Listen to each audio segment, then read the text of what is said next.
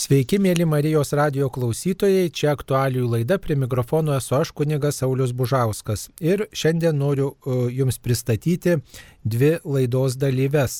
Tai e, Šiaulių viskupijos katechetikos centro vadovė Danutė Kratukienė ir Vilniaus palaimintojo Teofiliaus Matulionio gimnazijos atsakingąją už sielovadą direktoriaus pavaduotoją seserį Danguolę Gervytę.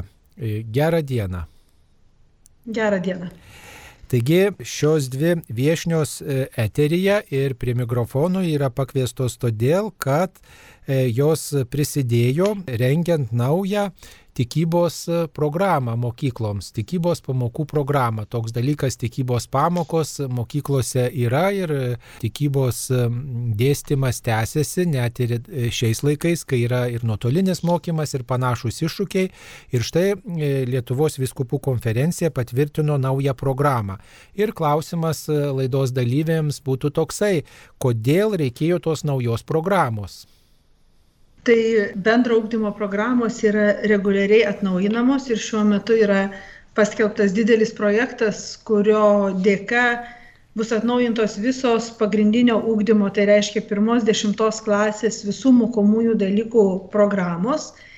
Ir kadangi tikyba yra dalis dorinio ūkdymo, mokiniai gali rinktis tarp etikos arba katalikų tikybos, taip pat yra kitos tradicinės konfesijos ir bažnyčios, kurios turi savo programas ir jas įgyvendina, tai tada natūraliai ir katalikų tikybos programa yra atnaujinama tam tokiam bendram Lietuvos švietimo tam vyksme. Taip gal ką dar pridėtų Danutė? Iš ties mes labai džiaugiamės, kad galim atsinaujinti, nes žvelgdami į viso pasaulio aktualijas ir katalikų tikybą turi savo tam tikrą problemų lauką. Ir žvelgdami į mūsų popiežiaus mokymą, jis nuolat pateikia vis įdomesnės ir aktualias temas, ką galima būtų aptarti su mokiniais, kurie linkme vesti, nors tikybą galėtume sakyti jau 30 metų mokyklose, bet tikrai tas atsinaujinimas ugdymas ypatingai svarbus, atliepiant mokinių poreikius ir žinoma, patiems mokytojams labai gera atsinaujinti, naujai pažvelgti į mūsų tikėjimą, kaip tinkamiausiai šią tikėjimo žinią perteikti mokiniams. Tai o kas dalyvavo tame procese rengiant programą, kokie žmonės, ar čia vieno, kelių žmonių darbas, ar čia kokia visa komanda dirbo? E, taip, tai mes be abejo, kad tokį darbą atlikti turi būti komanda ir ji yra įvairi.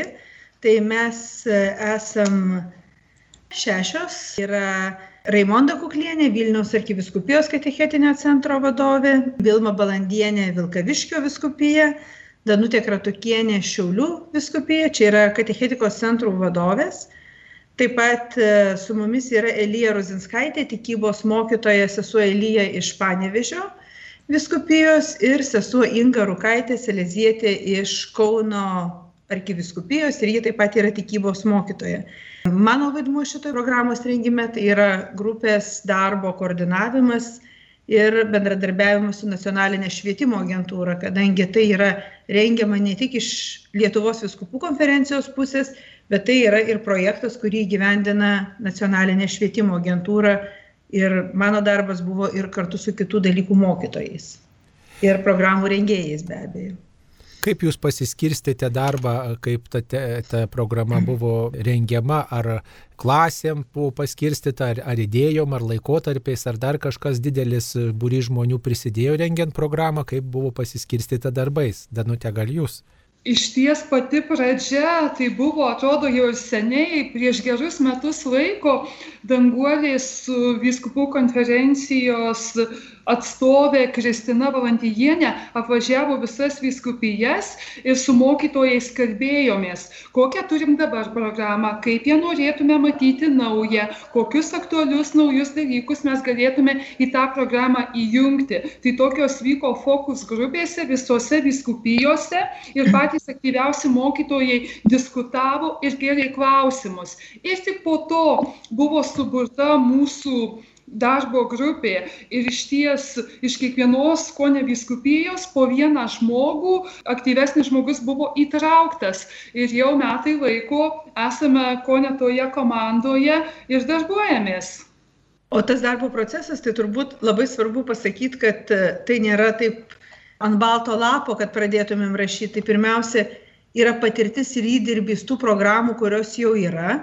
Pastarosios programos uh, mes turim tikrai labai tokias kompetitingai parengtas programas. E, kai programos yra atnaujinamos, tai nereiškia, kad prieš tai buvusios yra blogos. Visos programos yra atnaujinamos reguliariai dėl kintančių tokių švietimo sąlygų, dėl kintančių aplinkybių, pasikeitusio sociokultūrinio konteksto ir panašiai. Tai lygiai taip pat ir tikybos programos irgi išgyvena tą virsmą visam kontekste paskui galėsim truputį pakomentuot, kodėl kai kurie pokyčiai atsirado mūsų programuose.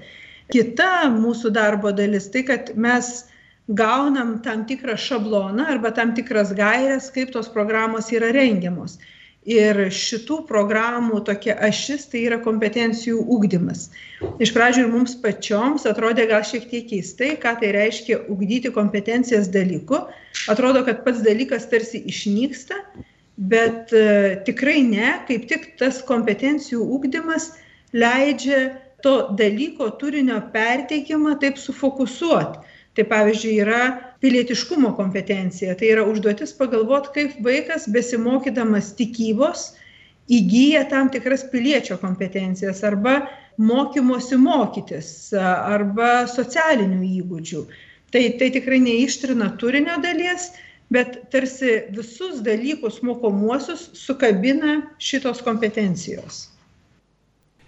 Tai dabar galbūt staptelkime ties pačią programą, kaip galėtume ją pristatyti, kokios temos ten yra, kokia šis, kokie tikslai keliami toj programoje katalikų tikybos mokomasis dalykas tikriausiai savaime suprantama, jo pirmiausia supažindina mokinius ir su šventuoju raštu, ir su katalikų bažnyčios mokymu. Ir šitoje programoje taip pat skatinamas tas mokinio asmeninio ryšio su Kristumi svarbos pajautimas, kad mokinys jaustų tą pasitikėjimą Dievu ir tuo pačiu šita programa labai aiškiai numato tą didžią pagarbą pačio asmens religiniam apsisprendimui. Ir pati programa remiasi visų mūsų bažnyčios mokymo ir mokiniai skatinami kelti tikėjimo, asmens tapatumo, etinius, egzistencinius, socialinius klausimus ir ieškoti atsakymų tikėjimo mokslo dialogo perspektyvoje. Ir žinoma, ieškoti tų atsakymų, kaip jie galėtų atsakyti nūdienos įvairias problemas tikėjimo atžvilgiu. Tai per visą tą programą ir ieškom ir atsakymų, kaip spręsti tikėjimo klausimus, ir kaip ugdyti bendruomeniškumą, ir kaip ugdyti tą mokinio viduiškumą, gebėjimą bendrauti su Dievu, žmogumi ir siekti to asmens dvasinės sukties. Ir žinoma, gilinti mūsų tikėjimą, ugdyti tikėjimo supratimą, remiantis ir šventuoju raštu, ir katalikų bažnyčios mokymu. Gal reikia pasakyti, kad prieš suformuluojant temą, kuri e, šitoje programoje visos temos yra formuluojamos klausimo forma, probleminio arba poleminio klausimo forma, yra dar išskirtos pagrindinės taip vadinamos pasiekimų sritis arba didžiosios tokios sritis, aplink kurias ir sukasi visas turinys. Kas yra labai gražu, tai kad tos pasiekimų sritys šitoje programoje yra suderintos ir su kitom religijom, su kitom krikščioniškom konfesijom. Tai tarkim, katalikų tikyba turi penkias pasiekimų sritis. Tai pirma yra šventas raštas, Tai nereiškia, kad kitose srityse nėra švento rašto, bet mes čia gilinamės į šventą raštą kaip tokį išskirtinį mūsų pažinimo objektą. Tada yra tikėjimo turinys, bažnyčia ir liturgija. Ketvirtas rytis yra asmens e, tobulėjimas ir dvasinis gyvenimas, tai pavadintumėm dvasingumu. Ir penktas rytis mes taip pavadinom moralė, etika arba žmogus ir pasaulis, tai būtų visas e, moralės toks skyrius, tai pavadinkim. Tai dabar nereiškia, kad visos temos taip kiekvienais metais truputį pasimoko švento rašto, truputį tikėjimo pažinimo, truputį moralės, pradėdami nuo švento rašto rugsėjį ir baigdami moralę gegužį. Tai visos šitos pasiekimų sritis paskui jos išsimaišo ir persipina. Bet kas yra labai gražu, kad tikrai mums pavyko suderintas pasiekimų sritis ir su kitom religijom bei konfesijom. Tai pavyzdžiui, jeigu mes turim švento rašto pažinimą, tai musulmonai turi šventųjų knygų pažinimą, e, tikėjimo turinio pažinimas, tai čia bendras visoms religijoms, bendruomenė ir malda, tarkim, musulmonai yra įvedę, protestantiškos bažnyčios daugiau apie bendruomenę ir liturgiją, e, tai pavadinė, bet iš esmės šitos rytis turi tokią teologinę logiką. Ir kas yra labai svarbu, tai kad ta teologinė logika suteikia mums tapatumo. Mes, mūsų programa nėra nei klasės valandėlė, kur pasikalbam, kaip reikia būti geru, nei etikos pamoka, kur kalbam tokiam horizontaliam lygmenį apie žmonių tarpusavio santykius, savęs pažinimo, kito pažinimą. Mūsų tikslas yra tikrai išlaikyti visą laiką tą vertikalę dimenciją, visą laiką grįžti arba pradėti nuo to, koks yra žmogaus santykis su Dievu. Minėjote, kad šita programa nebuvo rengiama tokioj lygioj vietoj ant balto popieriaus lapo, kad taip pat buvo atsižvelgta į patirtį ir ankstesnės programas. Tai galbūt reikėtų pasakyti, kas naujo yra šioje programoje. Ar kažkokios temos atsirado naujos, ar visiškai naujas kažkoks temų traktavimas, pasiūlymai mokytojams ar panašiai. Iš ties, kai žvelgiam į mūsų katalikų tikybos programą, tai labai daug daug tokių ir naujų ir atrodo senų, bet nuostabių dalykų yra. Tai tikybos mokytojo tikslas perteikiant mokymosi turinį iš dalies yra bažnyčios mokymą paversti į paprastus žodžius. Tai evangelizuotojas tai iš dalies yra vertėjas, tikėjimo slėpinių perteikėtojas vaikams suprantama kalba.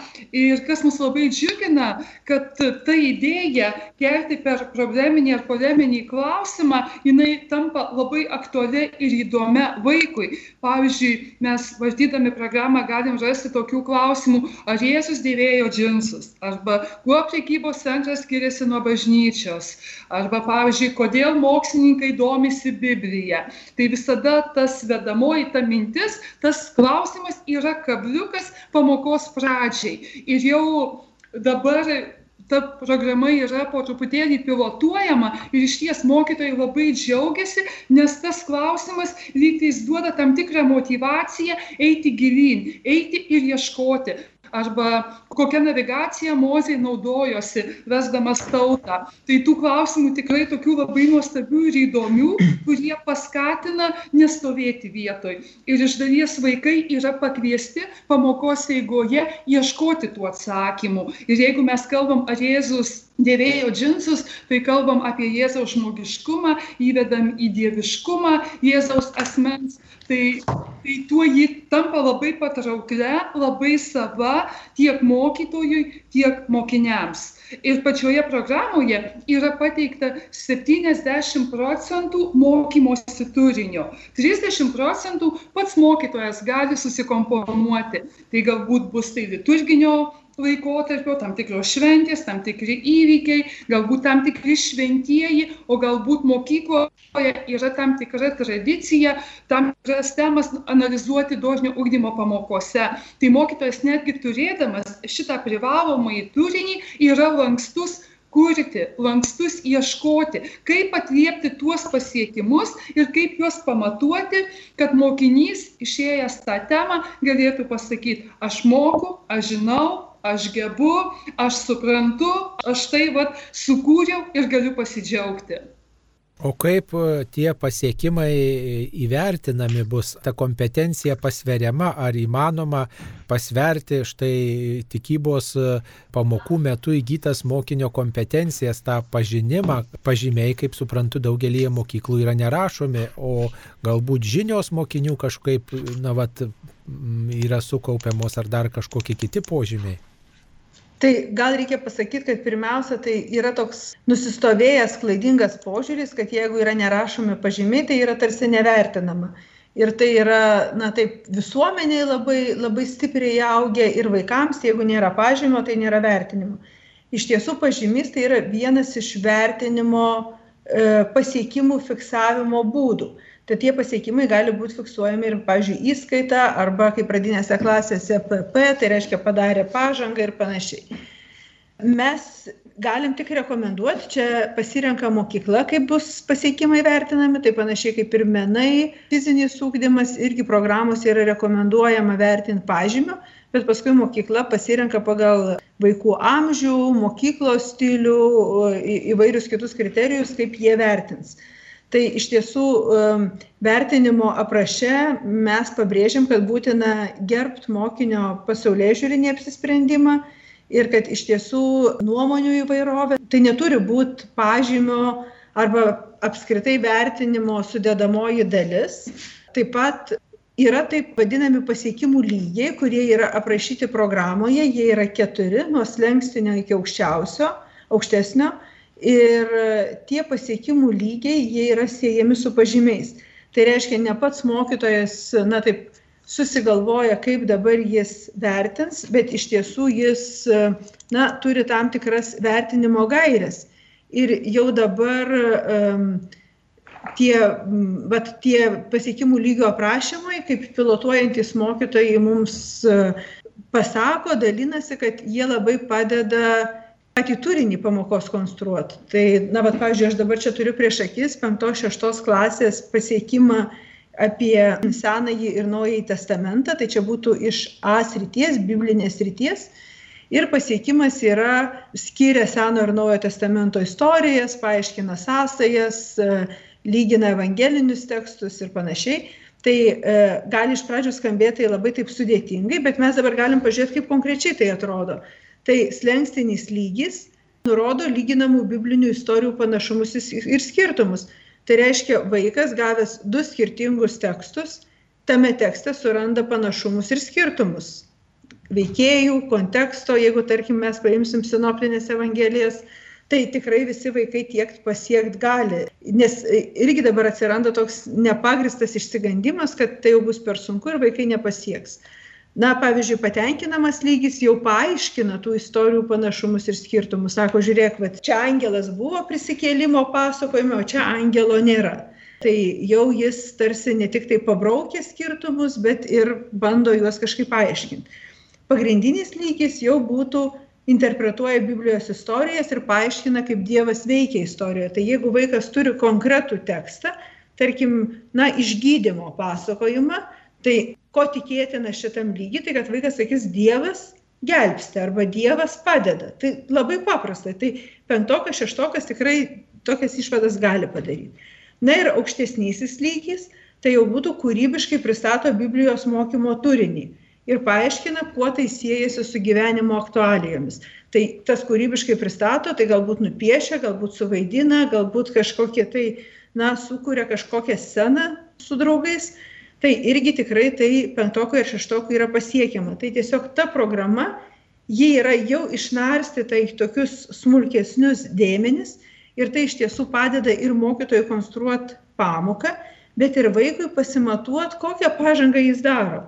Kad, na, kad nebūtų tokio, ai, tai mes čia sėdim per tikybą, sėdim ir apie gyvenimą kalbam. Nu tai vieną kartą apie gyvenimą pakalbėti yra gerai, bet jeigu kiekvieną dieną mes tik kalbam apie gyvenimą, tai tie vaikai, kurie turi tokio intelektualinio smalsumo, jie sako, nu, man jau užtenka čia kalbėti apie gyvenimą, aš norėčiau kažką tai įdomesnio sužinoti. Tai iš tiesų šita programa tikrai bus iššūkis mokytojams grįžti prie religinio ūkdymo turinio, prie paties turinio. Tai nereiškia, kad dabar katekizmas bus dėstomas tikybos pamokose. Jis katekizmas ir lieka katechetikos dalim, bet mums iššūkis pateikti tą visą krikščionybės paveldą, kultūrinį paveldą ir programa yra labai susieta su kitais dalykais. Tai pavyzdžiui, vaikas čia yra sąsajoje, tarkim, su dailė, geba atpažinti ten, tarkim, na, va, artėja kalėdos, kalėdų vaizdavimą mene. Tai iš ko atpažins? Tai, kad yra Juozapas, Marija, gal asiliukas, gal kūdikėlis kažkaip ėdžiose vaizduojamas ir jis sakys, va čia yra vaizduojama kalėdų istorija. Tai labai paprasta, bet kartu tai yra mokymasis skaityti kultūrinį paveldą, kuris yra iš tiesų, na, mes gyvename Europoje, turim tikrai tą krikščionišką paveldą ir, ir labai svarbu nepamiršti jo interpretuoti, ne, na, neprarasto gebėjimo interpretuoti visą tai, ką turim.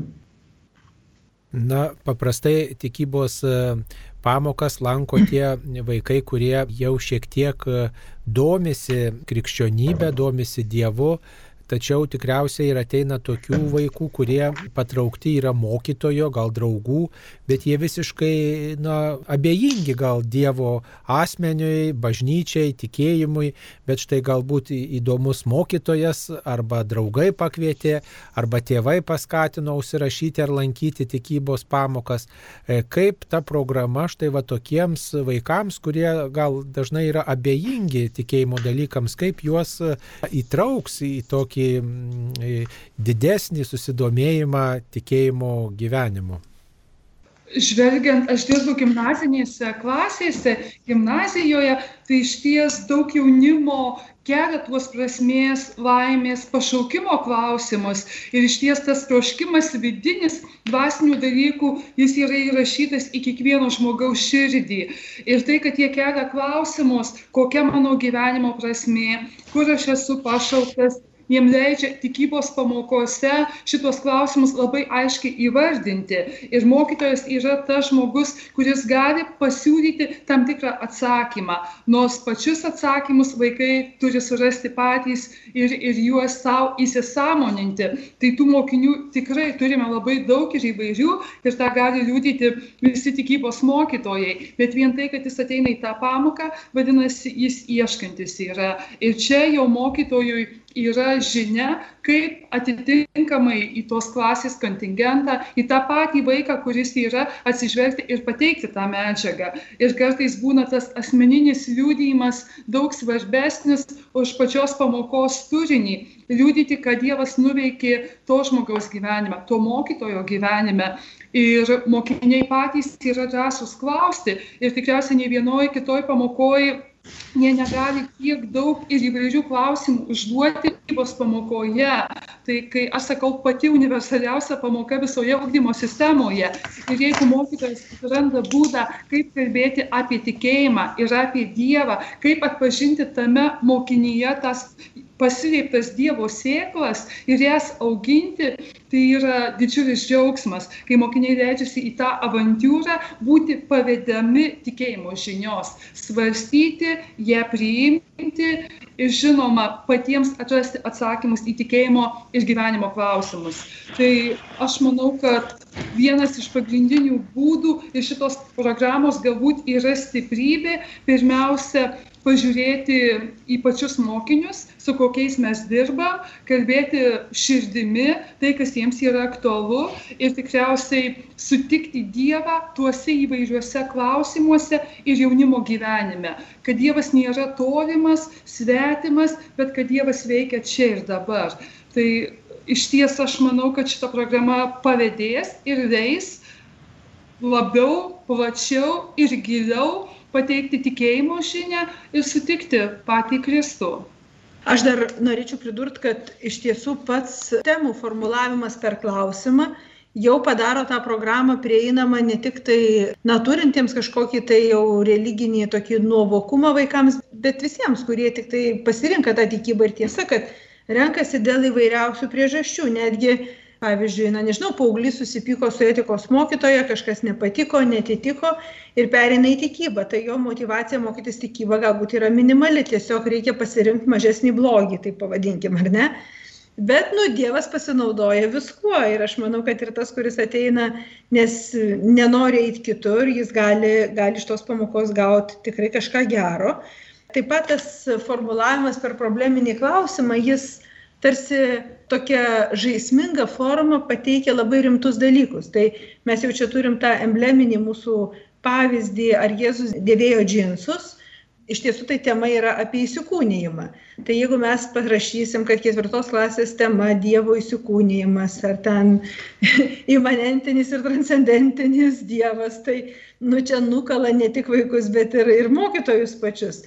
Bet jeigu mes pradėsim tokį klausimą, kad ar jeigu Jėzus gyventų šiandien, ar jis rengtųsi taip, kaip rengėsi visi žmonės, ar jis Lietuvoje žiemą nešiotų kepurę, tai tikriausiai taip, nes jis buvo tikrai žmogus ir tikrai gyveno konkrečiom istoriniam aplinkybėm, kultūroj, aplinkoj, kuri buvo to meto jo šeimos aplinka, jo visa tas kontekstas, kuriame jis brendo kaip žmogus ir kuriame jis atsiskleidė ir mums save leido pažinti kaip Dievo sūnų.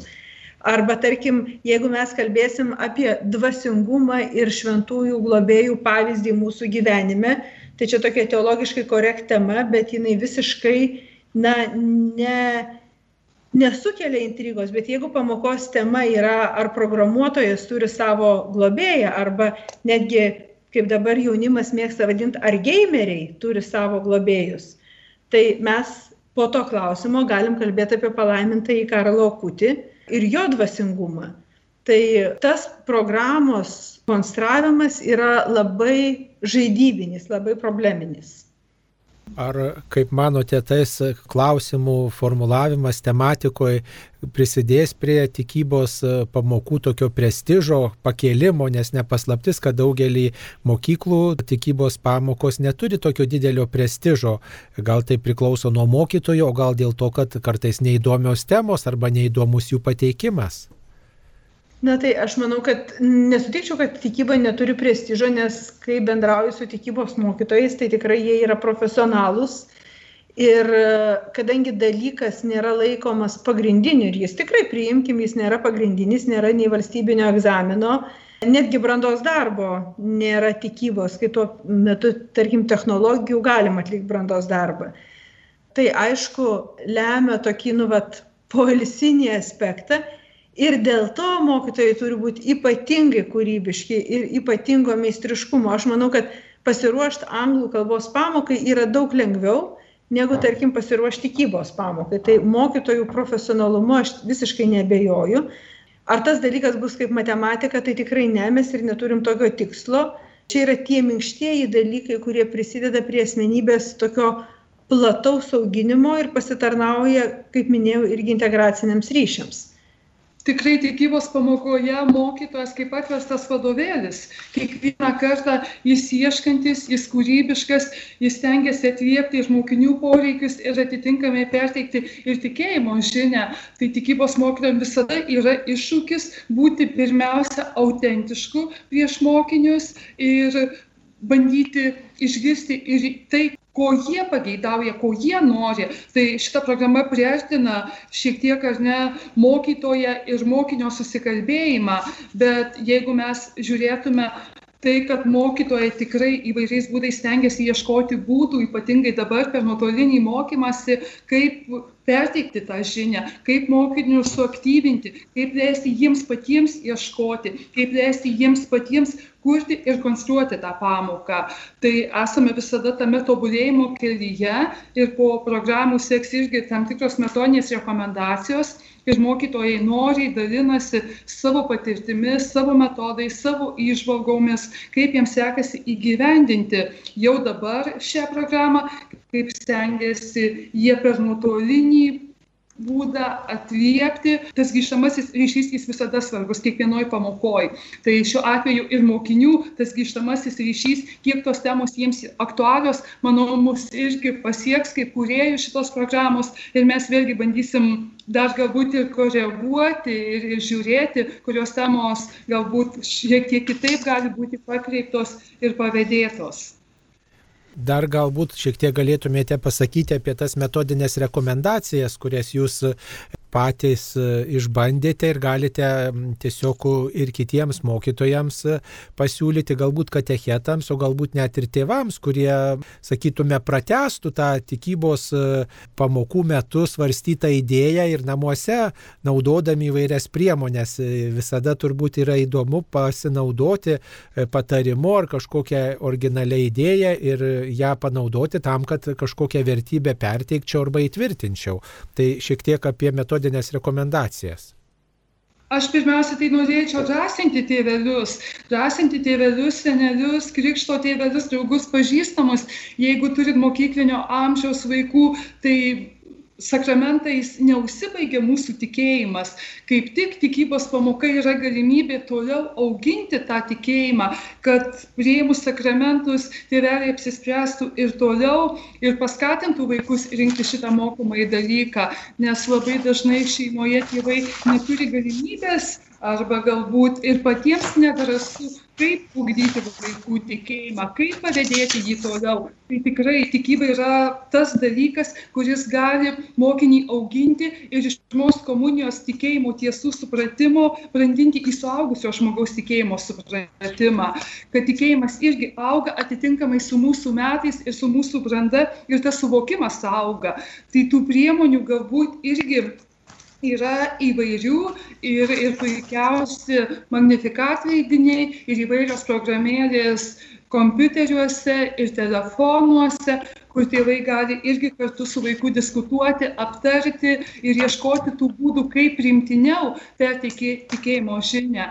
Tai, o mokytojo metodinės rekomendacijos, jos dar tik tai kūriamos, rašomos, kaip išpildyti šitą programą. Ir čia vėlgi atrasim, kai kursim įvairiausių pavyzdžių, įvairiausių metodų pasiūlymų, šaltinių, kad tinkamiausiai įsemti tą tikėjimo turinį. Bet iš ties tikrai drąsinu stiprinu ir sakau, kad tikyba tikrai šiuolaikiška, naujoviška, aktuali ir įdomi pamoka ir ne vien tik pagal seną tokią nuostatą, vien tik poterius mokinasi, pasiruošė sakramentam ir to užtenka. Tai tikrai ne. Norint būti brandžiu žmogum, norint būti šio vaikišku žmogum, norint būti žmogum, kuris išmano įvairias gyvenimo sritis ir drąsiai gali diskutuoti tikėjimo klausimais, tikyba sakyčiau, privaloma ir netgi būtina mūsų augimui, mūsų dvasiniam penui ir, ir žinoma, atveria galimybę įsitraukti ir į bažnyčios bendruomenės gyvenimą, nes norėtųsi pavėdėti tuos vaikus, kad vaikai atrastų savo nišą ir bažnyčiose jaustųsi jaukiai, gerai ir tikyba prisideda prie to mokinių ir sakramentinio gyvenimo. Dar vienas klausimas būtų apie vidujiškumą. Turbūt e, tikyba skiriasi iš kitų dalykų tuo unikaliu dalyku, kad ne tik tai kviečia žinias e, sukaupti, ne tik tai pažinti, kad yra šventasis raštas, kad yra liturgija, kad e, yra ten moralės dalykai, bet kad žmogus ir na, pažintų tą maldos gyvenimą ir kad stengtųsi bent kažkiek praktikuoti tuos dalykus, kuriuos išmoko.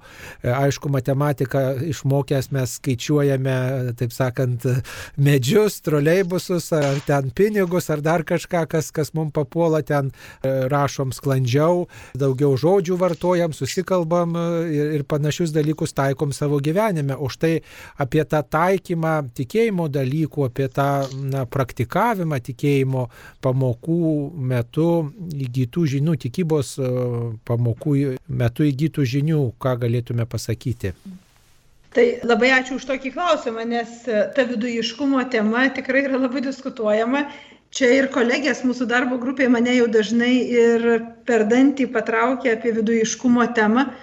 Aš esu jos labai tokia aktyvi gynėja, nes manau, kad e, tai yra tų dvasinių galių ūkdymas. Jeigu mes kalbam apie fizinį ūkdymą, tai kalbam ne tik tai apie pasiekimus, kad vaikas nubėgs kažkiek, nušoks, ten numes kokį kamoliuką ar dar ką nors, bet kad jis pajus tą džiaugsmą judėjimo. Tai čia mes kalbam apie džiaugsmą to vidinio judėjimo, vidinio judesio dvasinio gyvenimo. Tas terminas vidujiškumas jis yra mūsų programuose ir ne tik kaip terminas, bet kaip tema. Aš tikiuosi, kad e, kol kas ekspertai, kompetencijų vertintojai tos temos mūsų nebraukia ir nesiūlo jos keisti. Tikiuosi, kad ir kai bus tvirtinama švietimo ministerijoje, jis išliks, nes e, Jeigu mes žiūrim į geros mokyklos koncepciją, tai e, ten yra labai svarbi asmenybės suktis.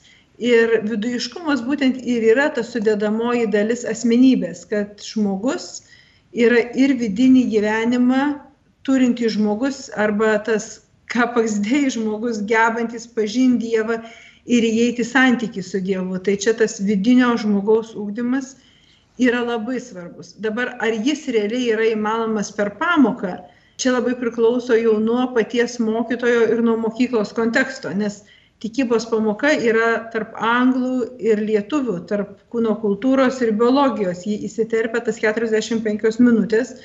Tai e, kartais tiesiog kontekstas nėra palankus tam tokiam nusileidimui į savo vidų. Bet nesvarbu, pamoka gali būti pažadinimas ir pakvietimas ieškoti būdų nueiti savo tą vidinį žmogų, tą susitikimą su Dievu vidiniam kambarėlį, ar ne, jeigu kalbėtumėm tokiais dvasingumo terminais. Tai e, yra visa pasiekimų sritis apie asmens saugimą, dvasinį tobulėjimą, dvasingumą, kuriame yra ir asmeninės maldos temų, šventųjų pavyzdžiai, dvasinės praktikos ir taip toliau, atitinkamai pagal vaikų amžių. Tai lieka dabar tikėtis, kad mokytojai ras galimybės tas temas išskleisti pamokos metu ir pritaikyti kiek įmanoma geriau esamam kontekste.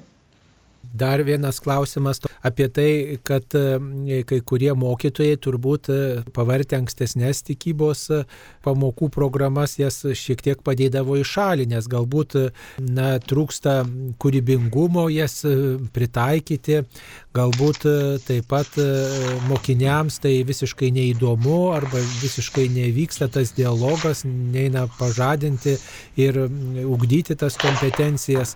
Ar šią programą mokytojai, taip sakant, nepadės į šalį dėl to, kad ar ji per sudėtinga, ar ji per daug galbūt neįdomi vaikams, kurie visiškai abejingi yra.